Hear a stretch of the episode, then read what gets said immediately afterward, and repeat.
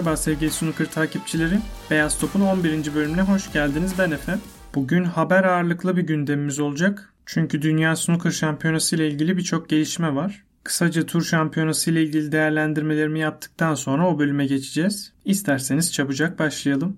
Bu bölümde asıl kahramanı en başta konuşmak istiyorum. Birçoğunuz turnuvayı seyredemediniz ama Neil Robertson'ın olağanüstü bir performans sergilediğini hem benden hem de çeşitli kanallardan duydunuz. Neil bu turnuvada gerçekten bence bu sezonki en iyi performansını sergiledi. İngilizlerin queuing olarak kullandığı bir kavram var. Bu kavramı ıstak aksiyonunun üzerinde bir başlık olarak düşünebilirsiniz.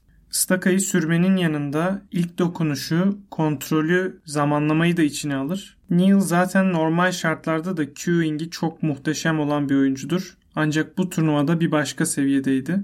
Mesafe ve açı tanımaksızın gerçekten çok özel vuruşlar yaptı. Bunun haricinde kafa olarak da tamamen masaya odaklanmıştı. Turnuva boyunca 11 tane yüzlük seri yaptı. Bu 11 serinin 5 tanesi finalde geldi.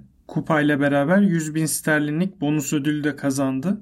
Bu kupa kendisini en az 20 sıralama turnuvası kazanan oyunculardan oluşan bir gruba dahil etti. Ayrıca tüm zamanlar listesinde aynı basamakta bulunduğu Selby'yi de geride bıraktığını söyleyelim.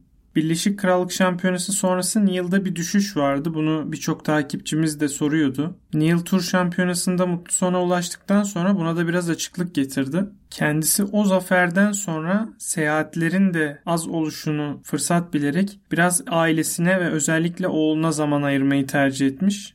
Belki bilenleriniz vardır. Neil'in oğlu da kendisi de futbolla ilgilenmeyi çok seviyor. Bu süreçte bol bol beraber futbol oynadıklarını dile getirdi. Hatta birkaç ay önce yine evlerinin bahçesinde oynarken oğlu Neil'in gözünü morartmıştı yanlışlıkla. Açıkçası Neil bu kazayı dominant gözüyle yaşamadığı için biraz şanslı. Çünkü o dönem birazcık da olsa görme kaybı yaşadığından bahsetmişti. Buradan finaldeki diğer oyuncu Ronnie O'Sullivan'la alakalı değerlendirmemize geçelim. Ronnie bu sezon 5. kez bir sıralama turnuvası finalinden elleri boş ayrıldı. Önceki finallerde olduğu gibi bu finalde de bir numaralı oyununu sahaya yansıtamadığını gördük. Açıkçası böyle senaryoları değerlendirirken Ronnie'nin artık prime'ında bir oyuncu olmadığını hesaba katmak lazım. Oyunu hayli evrildi ve olgunlaştı. Son dönemde Ronnie'nin ağır skor üreten oyunculara karşı sıkça çözümsüz kaldığını gördük. Tur şampiyonası finali de benzer geçti. Tabi Ronnie artık bu tarz maçları geriden gelerek oynamak zorunda. Yine özellikle bu sezon geride olduğu birçok karşılaşmada bunu tersine çevirebildiğini gördük. Ancak bunların çoğu daha kısa formatlı maçlardı. Yeni oyununun daha sabırlı ve daha akıllıca olduğu kesin ancak daha az skorer olduğunu da unutmamak lazım. En azından bu anlamda oyunun standardı diğer oyuncular nezdinde daha yukarı çıktı. Ronnie de yaşlanıyor haliyle. Dünya şampiyonasına son şampiyon olarak katılacak. Ronnie gibi oyuncuların seyircilerle olan özel bağını unutmamak lazım. Bu sezon Ronnie kaybettiği finallerin tamamını seyircisiz kaybetti. Taraftarlar aslında onun en çok güç aldığı noktalardan bir tanesi. Onu taraftarlar önünde yenmek kesinlikle sezon boyunca olduğundan çok daha zor olacaktır. Crucible'da seyircilerin olacağını bir önceki bölümde belirtmiştik. Şu ana kadar World Snooker veya Britanya hükümetinden herhangi aksi bir açıklama gelmedi. Ancak tabii ki süreç belli olmuyor. Son ana kadar beklemede kalacağız bu konuda. Çok kısa bir şekilde önümüzdeki birkaç günde oynanacak Şampiyonluk Ligi hakkında bilgi vereceğim. Şampiyonluk Ligi'nde oynanmamış tek grup kaldı. 7. grup. 30 ve 31 Mart'ta bunların maçları tamamlanacak. Daha sonra 1 ve 2 Nisan'da final grubu oynanacak ve turnuva tamamlanacak. Maalesef televizyonda yayını yok. Matchroom Live'dan takip edebilirsiniz ama ülkemizdeki birçok insan eminim ki kullanmıyordur Matchroom Live'ı. Çünkü ücretleri çok yüksek kalıyor. Turnuvanın herhangi bir sıralama değeri olmayacak. Onu da belirteyim.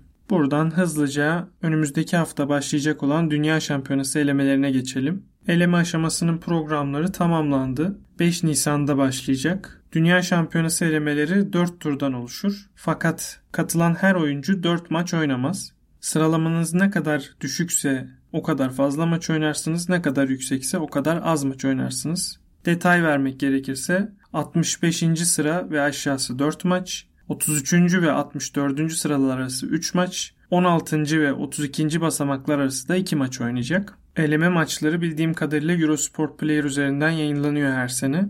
Yalnızca geçtiğimiz seneye özel spor müsabakalarının eksikliğinden kaynaklı olarak televizyonda da yayınlanmıştı. Ancak bu sene öyle bir durum söz konusu değil. 13 ve 14 Nisan'da Judgment Day olarak geçen son tur maçları World Snooker'ın Facebook ve YouTube sayfalarında canlı olarak yayınlanacak. Onları da ücretsiz bir şekilde takip edebileceksiniz. Tabi eleme aşamalarına dair en büyük gelişme Steven Hendry ve Jimmy White'ın eşleşmesi oldu ilk turda. Maç önce 6 Nisan'daydı fakat 5 Nisan'a çekildi. Aslında dünya genelindeki hayranlar bu maça özel bir televizyon yayını bekliyordu. Ancak onun da olmayacağı dün kesinleşti. Az önce belirttiğim gibi eğer Eurosport Player üyeliğiniz varsa oradan bu maçı takip edebileceksiniz. Ben zaten maç öncesinde bu bilgileri Instagram'dan paylaşacağım. Tabi Jimmy White ve Steven Hendry'nin çok eskiye dayanan bir geçmişi var. 90-94 yılları arasında 4 kez Crucible'da final oynadılar ve bunların hepsini Steven Hendry kazandı. Biliyorsunuz zaten Jimmy White 6 kez dünya şampiyonası finali oynayıp hepsini kaybetmişti. Bu finallerden özellikle 94 çok dramatikti. Jimmy White kazanmaya çok kez yaklaştı bu maçı. Karar frame'inde de aslında her şey kendi elindeydi. Fakat aceleci bir vuruş yaparak şansı kaybetti ve Hendry gelip masayı temizledi. Bundan daha da üzücü olanı Jimmy White 1994'ten sonra bir daha Dünya Snooker Şampiyonası finaline hiç ulaşamadı. Eğer fırsatınız olursa bu maçın en azından son frame'ini izlemenizi şiddetle tavsiye ederim. Bana göre snooker tarihindeki en önemli frame'lerden bir tanesidir. Hazır laf Crucible'a gelmişken oradaki gelişmeleri de son başlık olarak aktaralım. Tur şampiyonası finalinin ardından yerleştirmeler belli oldu. Listeye göre Dünya Snooker Şampiyonası'na direkt olarak Crucible aşamasından katılacak oyuncular sırasıyla Ronnie, Judd, Neil, Selby, Kyron, Murphy, Maguire, Ding, Bingtao, Hawkins, Williams, Allen, Lizowski, Gilbert ve McGill olacak. Eleme aşamaları sonrası bildiğiniz üzere rakipler kura ile belirleniyor. Bu kura çekimlerini izlemek gerçekten çok keyifli oluyor.